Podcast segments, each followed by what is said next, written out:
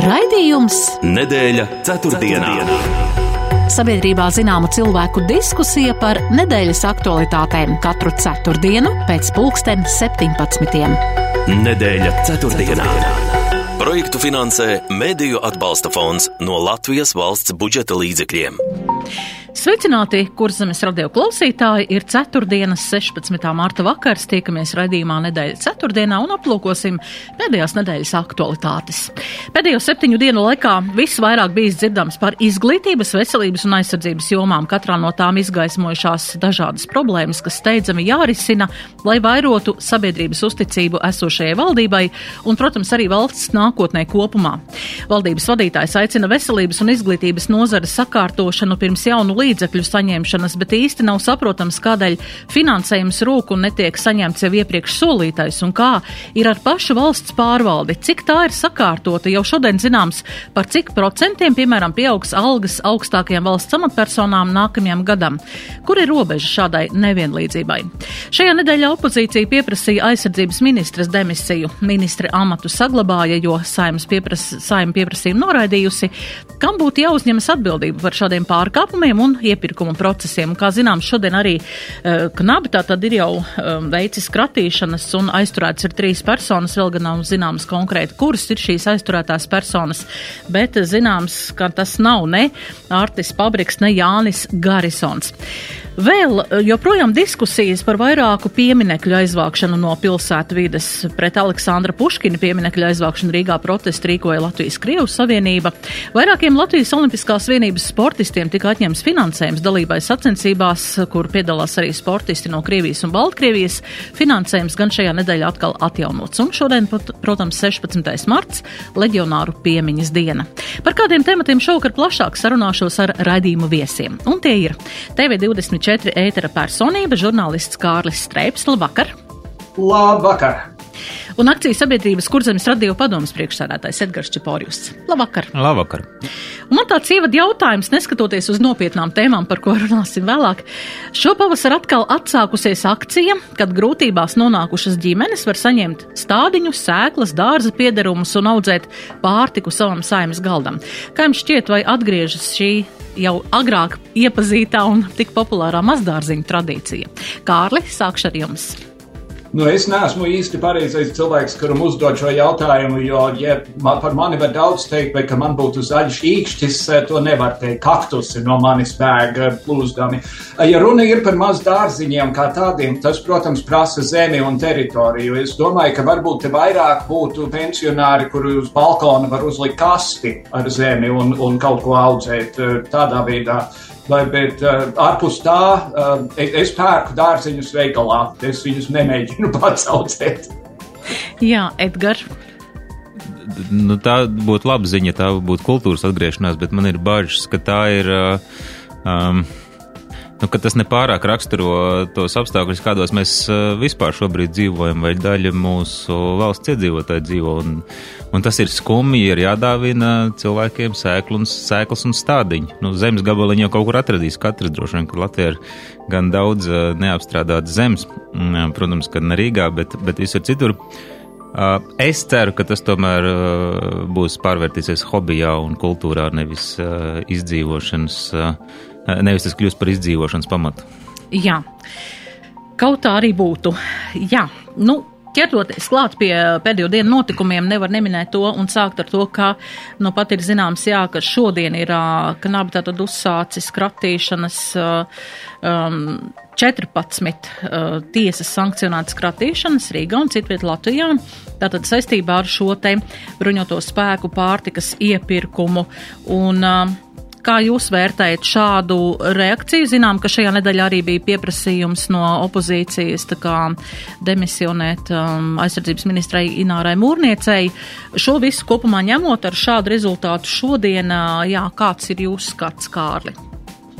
Nu, sākšu ar to, ka tas opozīcijas pieprasījums tas bija demagoģijas un populisma kalnkals. Šlesers sāka ar ļaut par to, ka Latvijas televīzija ir sazvērējusies ar vāru, jo uh, Krišāņam Kariņam bija intervija, neviens jautājums netika uzdots par šo lietu, un līdz ar to Šleseram sanāca, ka tur ir kaut kāda sazvērestība.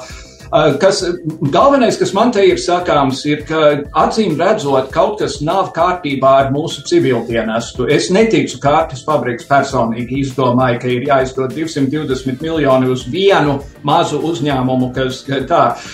Man nāk prātā, piemēram, tas gadījums, kad bija pieejamas vakcīnas pret covid par procesa sākumā, un divi ierēģi veselības ministrijā nolēma, nē, mums nevajag paldies, un rezultāts bija ļoti lēni, lēni ievieš, ieviešana šajā lietā. Man personīgi, es neko nezinu specifiski par šo lietu, bet es nevaru iedomāties pirmkārt, ka bruņoto spēku barošanai ir vajadzīgi 200 miljo, 220 miljoni eiro pirmkārt. Un otrkārt, nu, nu, mani nepārliecina tas uzņēmums. Es negribu viņu apvainot, varbūt viņš ir ļoti izcils ēdināšanas pakalpojumu piegādātājs. Bet uh, te ir, te ir gan ar, ar, ar, ar, ar šiem iepirkumiem ir problēmas, gan arī ar civildienestu, manuprāt, ir problēmas. Jā, Edgars. Nu, es sāksim ar to, ka uh, mūrniecis, uh, pieprasījums mūrniecis demisijai, protams, ka bija cirks un, un populisms, pat ne populisms, es nezinu, klaunāda un trokšņa taisīšana, lai lai, lai, lai rādītu savus rūpes. Un skaidrs, ka Mūrnēts nevar atbildēt par šo iepirkumu, jo viņi tiešām tajā laikā nebija aizsardzības ministri. Uh, bet kas ir skaidrs, un tas nav 220 miljonu iepirkums vai 330 miljonu iepirkums, kā ir izskanējis, tās ir uh, taču maksimālās robežas, nu, kas var notikt vispār stundas X gadījumā. Un, protams, ka šeit nav runa par uh, piekdaļu miljārda tēriņiem. Uh, Kas attiecas uz pašu iepirkumu, es neesmu viņai iedziļinājies. Es pat nezinu īsti, kas tad tur tiek pirkts un kas tiek pārdots. It kā no vienas puses pārtiks produkti, no otras puses tikai loģistikas organizēšana. Bet, nu, es arī tāpat kā Kārlis negribētu ticēt, ka aizsardzības ministrs vispār ir iedziļinājies šajā iepirkumā, kas nav arī viņa uzdevums. Nu, viņš nav. Mājas saimnieks. Tā, tā teikt, viņš ir politikas veidotājs. Un, un, un tas, kas notiek civildienestā, nu, lai tad arī, lai tad arī knāps izmeklē. Man gan ir uh, bažas, ka beigās jau neko tur arī neatradīs. Un vai nu tādēļ, ka nav ko atrast, vai nu tādēļ, ka būs gan labi norganizēts. Bet, bet uh, šobrīd man vairāk izskatās, ka šis ir uh, trokšņa taisīšana. Uh, lai, lai parādītu, ka ļoti ak aktīvi tiek risināta problēma, izdomāt, vai īsti to mēs redzēsim. Bet es domāju, ka šis noklusīs un beigsies uh, ne ar ko. Jā, bet, ja tiek taisīts troksnis, tas parasti ir tāpēc, lai kaut ko citu varbūt uh, piesaktu. Nu, sākotnēji man likās, ka uh, Nacionāla apvienība šo tomēr cēlā ārā un mūrnieši par šo īpaši daudz runājuši. Sākumā man šķita, ka tas ir uh, mēģinājums novērst uzmanību no viņu pašu valdes locekļu problēmām, ar, ar tikšanām ar sankcionētām personām. Iespējams, šis ir mēģinājums novērst uzmanību no mediķa atalgojuma problēmām, vai no pedagoģa atalgojuma problēmām, problēmām, vai no uh, transporta pārvadājuma problēmām. Mums ir gan daudz problēmu valstī šobrīd, kuras ļoti slikti risinās, un uh, kādēļ, lai nenoslēptu aiz uh, kaut kādu šādu plīvuru. Jā, Kārli, kā jums šķiet, ko mēs varētu piesekt ar šādu troksni?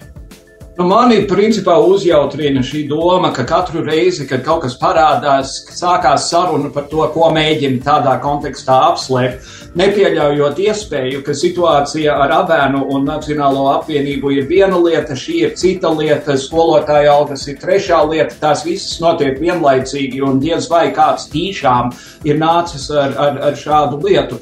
Es gribu cerēt, ka šī lieta netiks norakta divu iemeslu dēļ. Pirmkārt, Jānis Strauss Baume, knapu vadītājs, nav cilvēks, kurš eh, spebi karstu.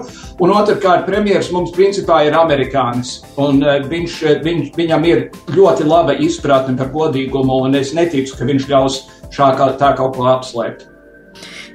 Jā, vēl opozīcija, protams, ar to nesamierinās. Ir tā kā arī tādi signāli doti, jā, nu, tiek paturēta amatā aizsardzības ministra, tad mēģina atšūpot visu valdību. Jo tomēr Kariņa valdība ir bijusi iepriekšējā, un Kariņa valdība ir šī, un tomēr kādam no šīs valdības un aizsardzības nozarei būtu jāuzņemās atbildība par šo te. Mums loģiski opozīcijas uzdevums ir uh, uzturēt formā koalīciju. Protams. Nu. Jā, vai ir kādas iespējas sašūpot valdību tādā veidā, Kārli? Es domāju, ka ne īpaši, jo politika ļoti labi saprot, ka milzīgi lielu variantu šajā sājumā nav. Teiksim, tā doma laist, piemēram, Rosļakovu un viņa bandu pie varas, tā, tam vajadzētu nobaidīt absolūti ik katru valsts iedzīvotāju. Tas pats attiecas uz Šleseri jauno biz, politiskā biznesa projektu. Zaļie zemnieki ir drusku cits jautājums un progresīvie ir drusku cits jautājums. Man personīgi likās, ka progresīvos vajadzēja ņemt koalīcijā no paša sākuma, bet uh, es, es nedomāju, ka te ir valdības šūpošana. Tā nelaime ar to opozīciju ir, ka konstruktīva opozīcija nāk ar konstruktīviem priekšlikumiem. Mums nav konstruktīvas opozīcijas, mums ir bļāvēji. Un tas, tas, tas vienkārši tā ir tukša laika kulšana, diemžēl. Jā, bet ja mēs runājam par opozīciju, es atceros, ka bija šī nakts, kad pieņēma budžetu, tad arī bija patiesībā man ļoti interesants likās viens teikums no Arvila Lašerādena, kad, nu, tur jau iepriekš bija tā, ka nekas netiks grozīts, var sakot, viss šī nakts bija vienkārši viens liels teātris, bet, kad pats Lašerādens arī kā finanšu ministrs atzina, ka opozīcijai ir ļoti daudzi vērā ņemami priekšlikumi. Es domāju, ka nu, nevaram teikt, ka tur tikai ir kliekšana, ka tur arī ir kaut kas vērā ņemams un cilvēki, kas saprot un kas ierauga varbūt procesu kaut kādā veidā, ko varētu varbūt uzlabot.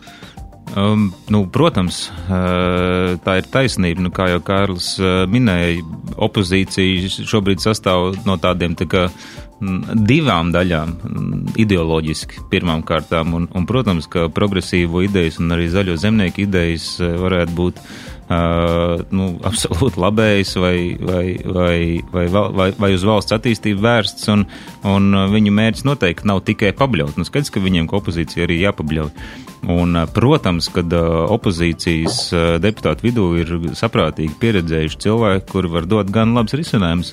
Nu, cita lieta, ka ir, ir tiešām šī budžeta pieņemšana vienā naktī un koalīcijas paziņojums jau, kad ka mēs vienkārši neņemsim vērā, neskatoties uz to, cik labi būs jūsu priekšlikumi. Un tas nu, gan uh, neliecina neko labu par, uh, par vēlmi attīstīt un veidot šo valsti. Un vispār parlaments šī uh, sēde un viss šis notikums tādu ie, ieņem tādu pilnīgi tādu, nu, nu, ne tādu reālu vispār sēdi ar konkrētiem uh, debatēm, diskusijām par uh, esošo budžetu.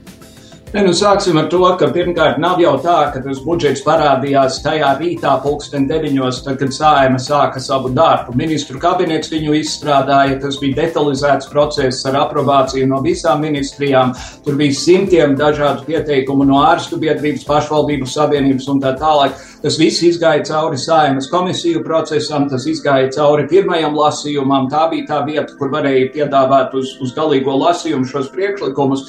Un no tā viedokļa, ka, ka tur bija loģiski priekšlikumi, tur, protams, bija priekšlikumi principā maksāt vairāk skolotājām un maksāt vairāk uh, ārstiem un, un uh, stabilitātes gadījumā krietni samazināt aizsardzības budžetu un to naudu izmantot citām vajadzībām. Tas, protams, pat labam nav uh, reāli, ņemot vērā to, kas notiek Ukrainā, bet tas ir, centra, tas ir būtisks jautājums ne tikai Latvijā vien, jo visas pasaules valstis izdod ļoti, ļoti daudz attiecībā uz, uz savu aizsardzību. Arī Amerika to dara, un arī Amerikā ir diskusijas, ka varētu samazināt to budžetu un ar to darīt kaut ko citu. Uh, nav tā, ka šī būtu pirmā reize, kur koalīcija ir pateikusi jau iepriekš, nē, paldies, mums ir izstrādāts budžets, mēs neko tagad negrozīsim uz galīgo lasījumu. To pašu darīja Kučinska valdība, to pašu darīja Lemdotas Straujumas valdība, to pašu darīja Dombrovska valdība un tā apakaļ uz, uz, par, par rindu. Jā, mums ir maza reklāmas pauzīte, un pēc tam turpināsim. Nedēļa ceturtdienā.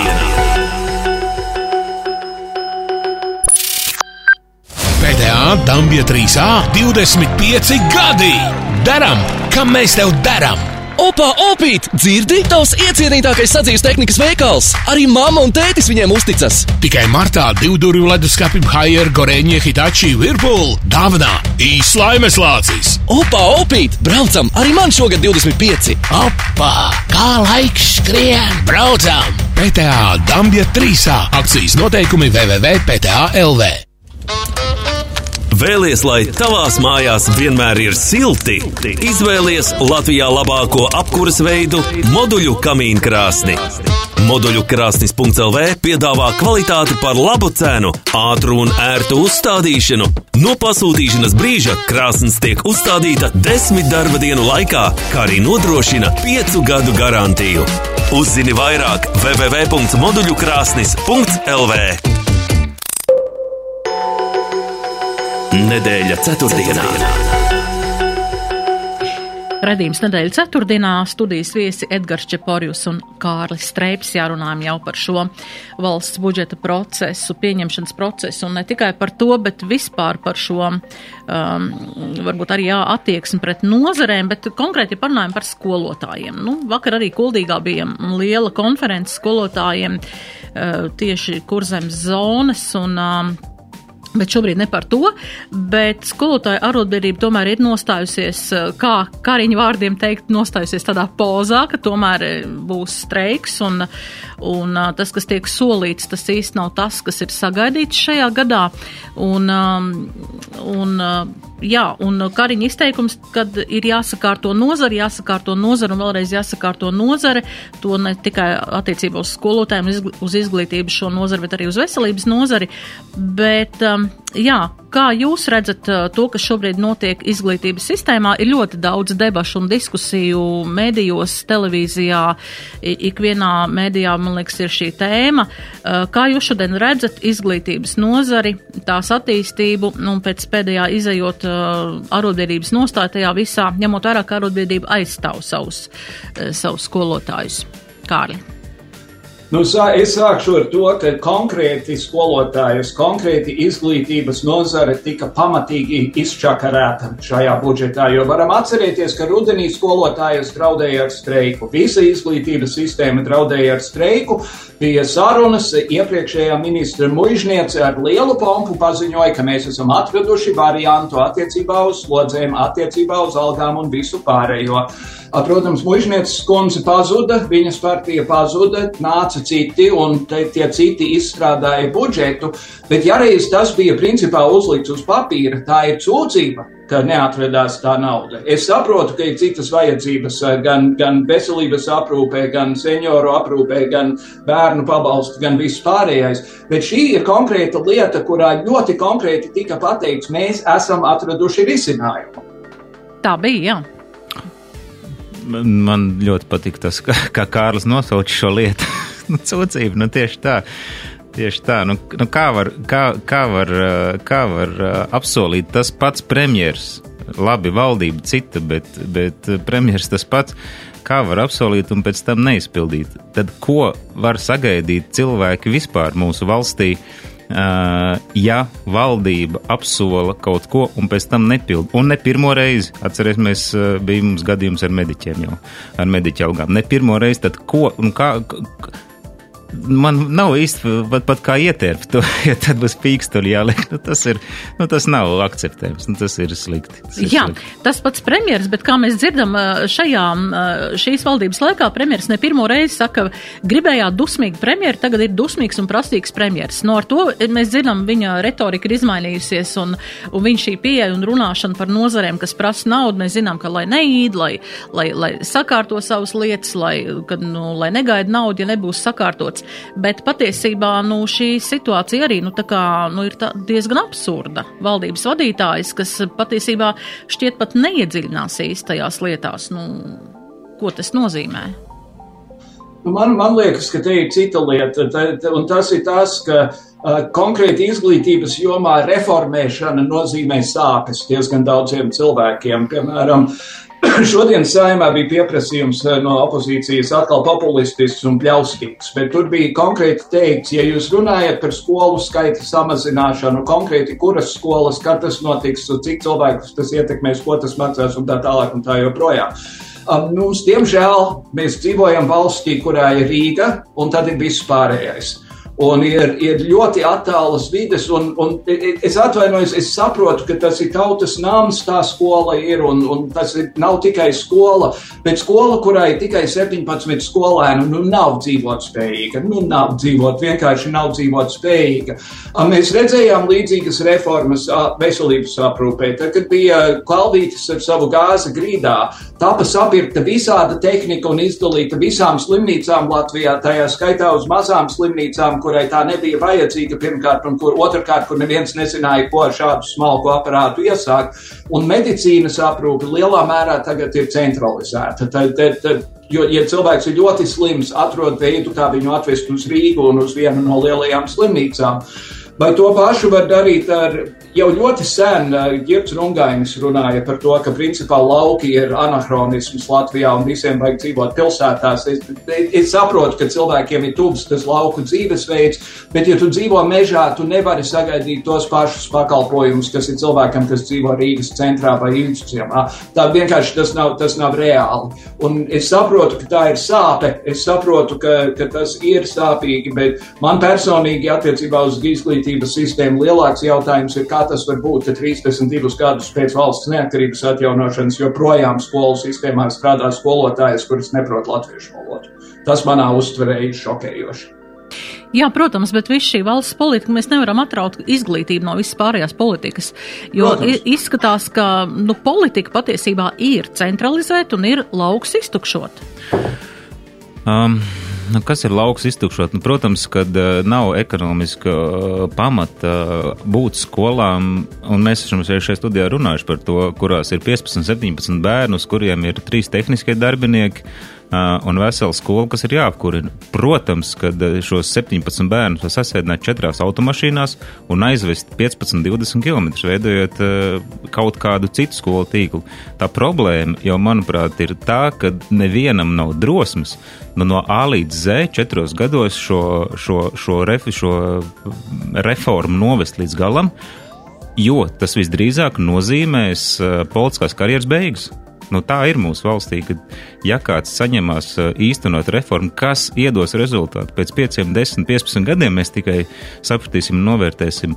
Tad šis cilvēks sen būs aizmirsts un izmests, izmests politikas mēslēnē. Nu, tad, kad atradīsies kāds, kas ir gatavs tam, nu, tad arī notiks reāls reformas, kuras iespējams nāks labu. Un turklāt ne jau tikai viens izglītības ministrs no, norakstītu sev, bet visticamāk ciest arī premjeras un vēl viens otrs viņa kolēģis, jo reformu jau nevar īstenot tikai vienas ministrijas ietvaros. Bet tas ir tas pats tā politiskās atbildības neuzņemšanās. Es ieraugu to, jo mēs zinām, ka no šīs atbildības neuzņemšanās patiesībā daudz cieši, ne jau tikai izglītība. Kā jums šķiet? Jā. Tā tas ir. Protams, ar to vešanu 15, 20 km. Tā lielā problēma ir, ka, ja ir ļoti smaga ziema, tad uh, laukos daudz vietu uh, ceļu ir vienkārši neizbraucami, un tu tos 10, 15 km nenobrauksi ar saviem skolēniem arī tādā, tādā gadījumā. Uh, Attiecībā uz politiku, protams, politiķi vienmēr grib visvieglāko variantu. Politiķi grib, lai neviens nekreņķējas un saka, ka viņi ir darījuši labu darbu. Un es vēl vairāk gribu teikt, ka es ticu, ka mūsu politiķi sirsnīgi pieiet šiem, šiem jautājumiem. Ne visi, bet principā pieiet sirsnīgi un grib darīt to labāko, ko viņi var, var izdarīt. Mums vienkārši ir ļoti liela pensionāru šķira, mums nav pietiekami daudz strādā, strādājošu cilvēku, lai to sistēmu ilgtermiņā finansētu, un rezultātā ļoti liela nauda iet aprūpēt tieši šo galo, gados vecā. Es, es pats arī esmu tuvu tam vecākajam galam, ja? aprūpēt to, tāpēc, ka viņi ielaiž slimības un tad ir dārgāka ārstēšana, un te, te ir ļoti kompleksa problēma. Es nedomāju, ka kāds tīšām mēģina uh, uh, čakarēt cilvēkus.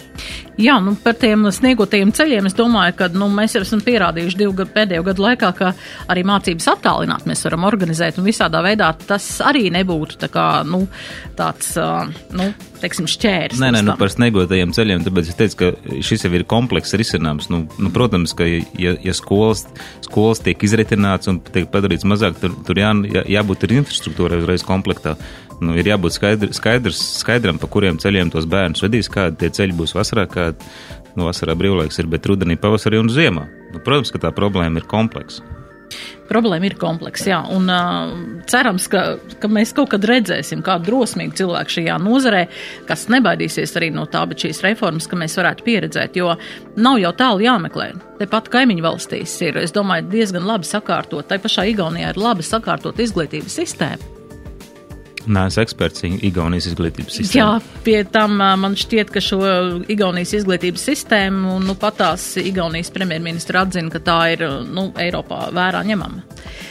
Jā, ja runājam vēl par izglītības un zinātnes ministrijas atbildību, tad tas arī bija šis finansējuma noņemšana Latvijas Olimpiskās vienības trim sportistiem, mūsu tenisistē un diviem riteņbraucējiem. Ko jūs sakat par šo izgājienu?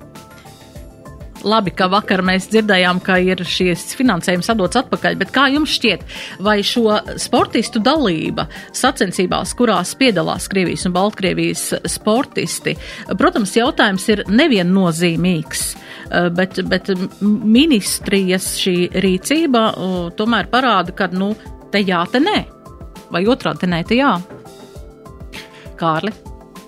Nu, es domāju, ka te mēs esam iegājuši diezgan lielās galējībās. Aļona nav atbildīga par to, ka Startautiskā sieviešu tenisa federācija joprojām ļauj piedalīties meitenēm no Krievijas un Baltkrievijas.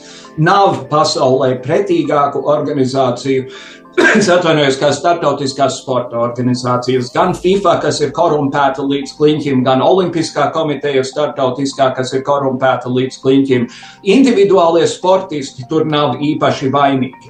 Es piekrītu, ka pat labi ir, ir laiks būtībā visus krievus turēt prom no visa kā, cerībā, ka viņi sašutīs pietiekami, lai gāstu savu caru un, un ieviestu Krievijā kaut ko citu.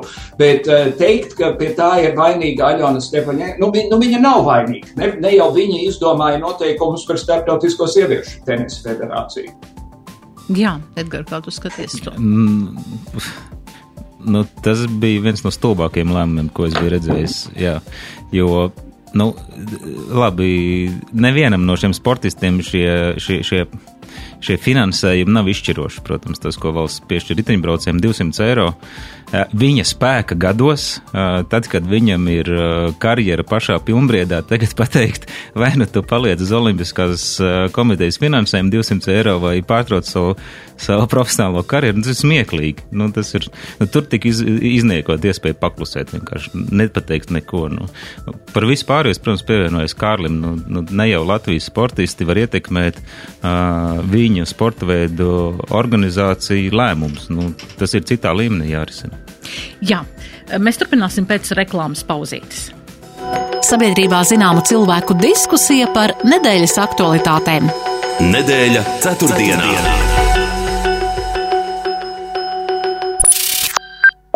Īsa pamācība, kā atbalstīt ļaunuma impēriju. Atrodi lētākās briketes, neiedziļinies, no kurienes tās nāk. Jo mazāk zināsi, jo labāk. Un atceries, neuzdod liekus jautājumus par to, kam aiziet tava nauda. Pirms pērts briketes, granulas vai kamīnmalku, pārbaudi to izcelsmes valsti. Izvēlies Latvijā ražotus produktus Pata koku materiālu veikalos. Uzzini vairāk Pata Timber LV. Kad vēlies uzzināt, kā pašam uzbūvēt siltumnīcu, ko darīt ar nolīkušajiem tūju zariem un kas izcilā tavus sīpolus, lasi žurnālu Praktiskais latvietis. Ik nedēļu uzzini par aktuālajiem dārza darbiem, saņem juristu konsultācijas, padomus remonta lietās, ieteikums veselībai un izmēģini jaunas receptes. Īpašais piedāvājums tikai martā. Abonē Praktisko latvieti deviņiem mēnešiem un dāvanā saņems jauno speciālu izlaidumu dārzā. Abonē jau šodien pastā vai Latvijas mediju LV. Nedēļa ceturtdienā. Nedēļa ceturtdienā raidījuma viesi Kārlis Streips un Edgars Čeporjus. Jā, ja runājam par kopējo vēl par valdības darbu un atbildību, tad jā, mēs zinām, ka veselības um, organizācijas arī tā kā domā par, par lietām un domā arī par uh, kādām protesta akcijām un par ārkārtas situācijas izsludināšanu medicīnas nozarē. Pie tam tas ir, tā kā es saprotu, visos līmeņos. Bet, ja mēs parunājam, uh, Latvijas ārstbiedrība nu pat ir nākus klajā ar tādu secinājumu, ka 11% no jaunajiem ārstiem gatavojas aizbraukt no Latvijas. Nu, labi, katra, katru reizi kāds eh, varbūt katru gadu pieņem kāds lēmumu eh, strādāt kādā citā valstī, ne par to varbūt eh, tā kā tā kā stāsts, bet par vispār par finansējumu veselības nozarē, es domāju, nu, tas, ir, tas ir stāsts, protams, ko mēs arī nevaram šajā vakarā šeit atrisināt un kaut kā izdiskutēt visas nianses, bet, bet arī tas pats, nu, teiksim, ne tas pats, bet varbūt vairāk nekā, nekā izglītības nozara cietus no 308 miljoniem iedot 89 miljonus. Tas ir būtisks, būtisks tāds, teiksim, pļauka sejā, bet, ja mēs runājam par uh, opozīcijas atkal šo ierosinājumu, tā kā banku un enerģētikas uzņēmumu virspēļņu virzīt veselības aprūpēji, un arī šis risinājums, ka no sociālā budžeta, kā, ko prasa arī veselības ministre, um, tā kā kādus procentus, 14% virzīt veselības nozarei. Um, protams, tam ir arī pretestība, jo tāpēc, tas ietekmēs uh, sociālo budžetu un arī, arī tas pensiju sistēmu varētu kaut kādā veidā mazliet uh, sašķobīt. Ko jūs sakat par šādu uh, attieksmi pret veselības nozaru un šādiem risinājumiem tajā, Kārli? Nu, šī ir lieta, par kuru ir runāts kopš padomju laika beigām, un nekad nekāds kopējs risinājums uh, nav atrasts. Es esmu pārsteigts, ka tikai 11% to ārstu brauc prom, jo, ja tu esi cilvēks ar jaunu ģimeni un tu vari Vācijā nopelnīt divās dienās to, ko tu nopelni pusgadā Latvijā, tad, protams, tu brauksi. Tur nav, tur nav nekāda jautājuma. Tajā pašā laikā Latvija ir pazīstama kā valsts, uz kuru cilvēki no rietumiem brauc, it īpaši zobārstniecībā un acu redzes aprūpē. Tāpēc, ka te ir par 11 reizēm lētāk nekā viņiem mājās ir sabēst zobus kārtībā un tā tālāk. Uh, tā, tur tās divas lietas kaut kā man nesaiet kopā, ka mēs varam labi aprūpēt ārzemniekus, bet mēs nevaram aprūpēt paši savus cilvēkus. Mūsu pa, pašu cilvēki ir, protams, daudz vairāk un ir daudz citādākas slimības nekā tikai zobi un, un, un, un redze. Bet uh, es, ja man būtu recepte, ko darīt ar veselības aprūpi, tad es pats ietu politikā, bet man nav, un tāpēc es politikā neiešu. Un ceru, ka man vienkārši, tā, ka man pienāks tas brīdis, kad ir vajadzīga aprūpe, tad viņa tur būs. Jā, Edgars. Nu, man liekas, šī ir uh, vēl lielāka problēma nekā izglītības uh, problēma. un, uh, un es pat nezinu, kāds šeit varētu būt risinājums, bet, bet nu, turpinot Kārļu uzsākto vai minēto zobārstniecību, nu, nu, tas jau faktiski ir tāds uh, privātā medicīna. Tur jau ir ļoti maz uh, valsts apmaksātās medicīnas, un nu, vienkārši tātad privātā kārtā šis, šī nozara spēja strādāt. Acīm redzot, būtu jāmēģina paskatīties, kā tad šī zobārstniecība ir spējusi pašsakārtoties. Uh, jo skaidrs, ka vispārējo veselības aprūpu nevar nodot privātās rokās, nu, un mēģināt uh, pa soli pa solim šo modeli pārnest. Galvenais, ka es gribētu teikt, ir, ka šī, šajos 32 gados valsts nekad nav izstrādājusi kārtīgu veselības apdrošināšanas sistēmu. Es kā privātpersona nezinu. Man, man ilgus gadus Latvijas universitāte apmaksāja veselības apdrošināšanu. Es tur vairs nestrādāju, man viņas nav, es nezinu, kur es viņu varētu dabūt, un tā ir baisa problēma. Nu, tā ir, protams, problēma. Jā, bet ko jūs sakat par to, kā no sociālā budžeta, no labklājības budžeta mēs varētu uh, tieši no sociālām apdrošināšanas obligātiem iemaksām uh, šo te 14% daļu, tā ir nozīmīga daļa, ka to virzītu uz veselības uh, aprūpi? Nu, tas ir jautājums par to, kas notiks ar pensiju sistēmu nu, tādā 50 gadu griezumā. Nu, mēs zinām, ka nācija novecojās, mēs zinām, ka nu, veicot šādu darbības, drīzāk nu, mēs šobrīd 40, 50 gadnieki Uh, nu, mēs tās sekas jutīsim agrāk vai vēlāk. Protams, ja šis, uh, ja šis sociālā budžeta nu, pozitīvais atlikums, piemēram, tiek izvietots vērtspīros, kuri, kuri zaudē savu vērtību, lai gan nu, parasti neizvieto tādos riskantos vērtspīros, tad, protams, ka labāk viņi būtu novirzīti, lai risinātu šodienas problēmas, bet principā es domāju, ka tas nebūtu pareizi, jo sociālajiem budžetam ir uh, sava noteikta funkcija kur tam ir jāpilda. Un, un tas, tas nav uh, īsa vai vidēja termiņa budžets. Tas ir jāskata 5, 10 un garākā laika nogriezienī. Jā, nu Meņģelsons kundze skatās arī uz kaimiņiem, ka tas ir 13%, nē, jā, 13% ir Lietuvā šis budžets no Uh, sociālām iemaksām aiziet veselībai, un 9% ir Igaunijā. Šis, mums ir 1% no šī budžeta, kas aiziet uh, veselības uh, budžetā. Vienkārši no šāda viedokļa es pati neesmu papētījusi šo sistēmu, paļaujos uz jums, ka jūs kā eksperti varētu to skaidrot, un, bet, bet patiesībā tā ir milzīga daļa, eh, kas varētu būt, varbūt, nu, ne, neteiksim milzīga, bet tā ir liela daļa, ko varētu varbūt cilvēki no savām uh, sociālām iemaksām uh, nu, saņemt atpakaļ kā pakalpojumu veselībā. Nu, kaut vai no tā viedokļa, ka, ja pensionāram ir vieglāk un lētāk pieejama veselības aprūpe, tad viņš neiedzīvosies tajās ļoti smagās slimībās, kuras viņam maksās ļoti daudz dārgāk, un viņa pensija līdz ar to ilgāk apmaksās viņa pamatvajadzības. Jā, bet tas ir tas, kā uz to skatāmies. Mēs tas uh, pensionāram kaut kad būs pensijas samazinājums. Tas, kas iespējams būtu izvērtējams, uh, izvērtējams solis, teiksim, nu, daļu no šī sociālā budžeta, teiksim, tā, novirzīt uz veselības apdrošināšanu obligāto, kuras mums nav, bet vispār par kur ir bijis, ar par kur ir ticis runāts. Repši ir vairākas reizes par to, to modeli nesis uz valdību, un kur tik vēl ne, bet viņš jau nav. Un ļoti iespējams, ka šī obligātā veselības apdrošināšana varētu būt risinājums.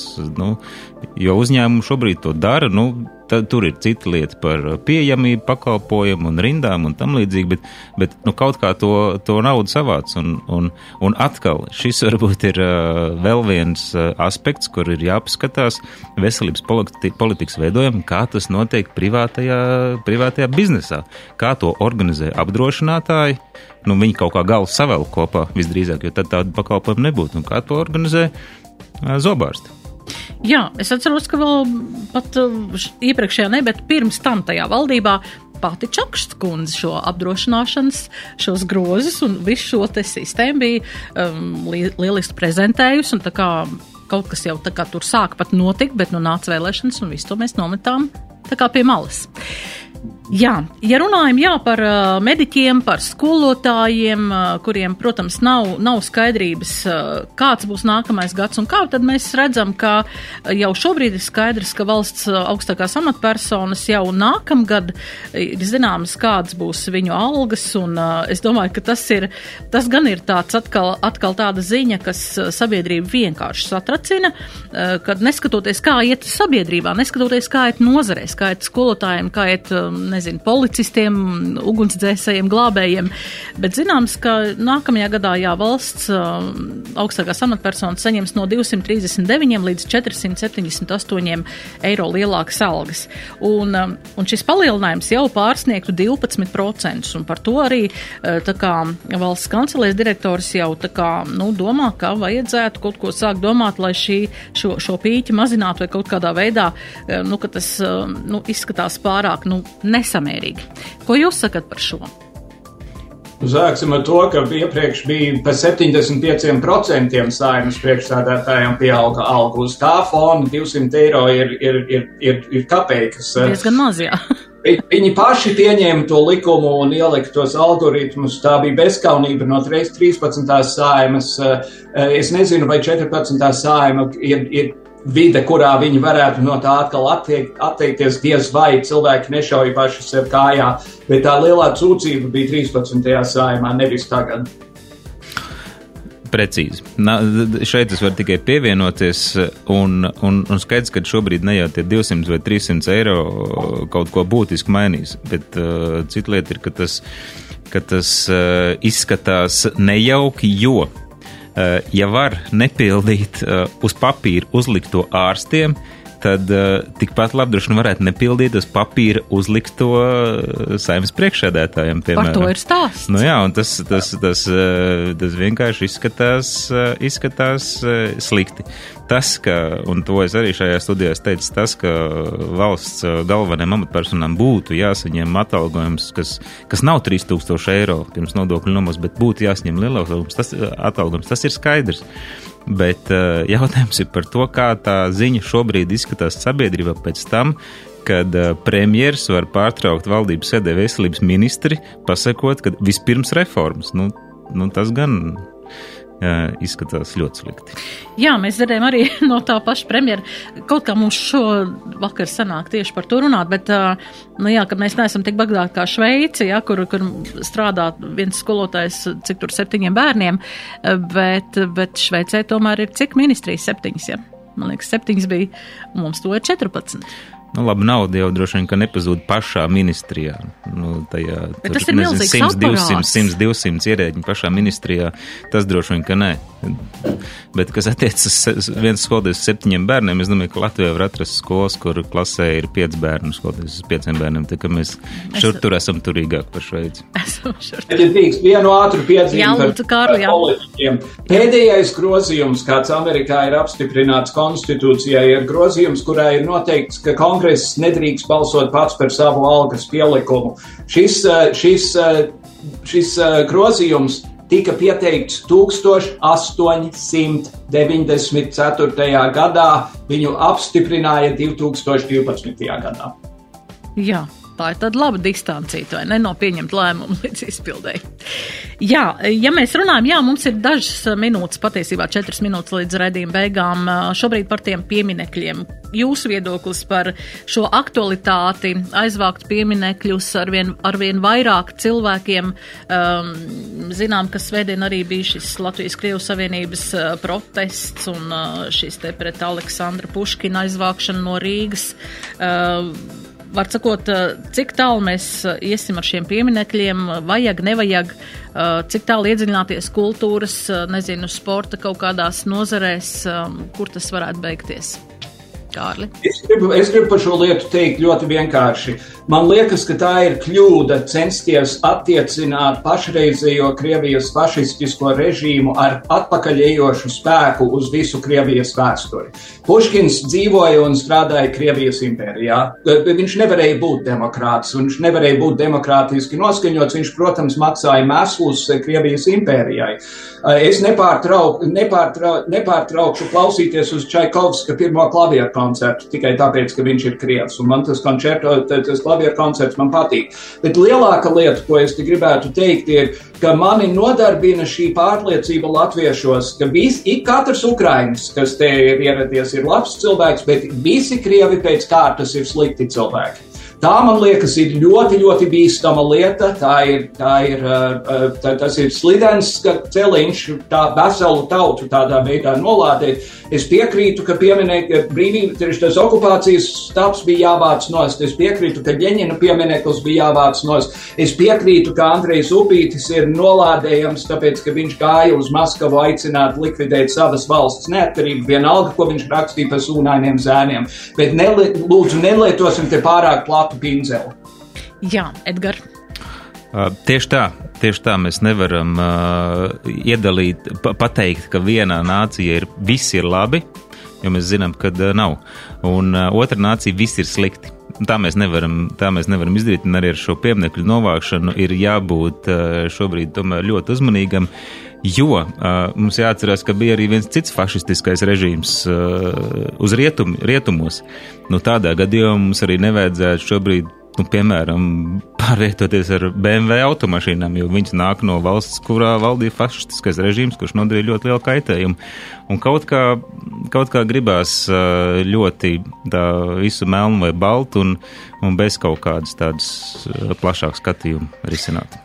Jā, Rīgas mērs Mārtiņš Staķis ir piebildis, ka pašvaldībā ir svarīgāk darba, ar ko nodarboties ne tikai pieminekļa aizvākšana un arī, protams, ka par visiem pārējiem nepieciešama diskusija un tiešām, lai, lai tajā ir skaidrs prāts un galvenais, lai tas viss ir uz mieru, nevis uz šķelšanu un, un uz nemieriem.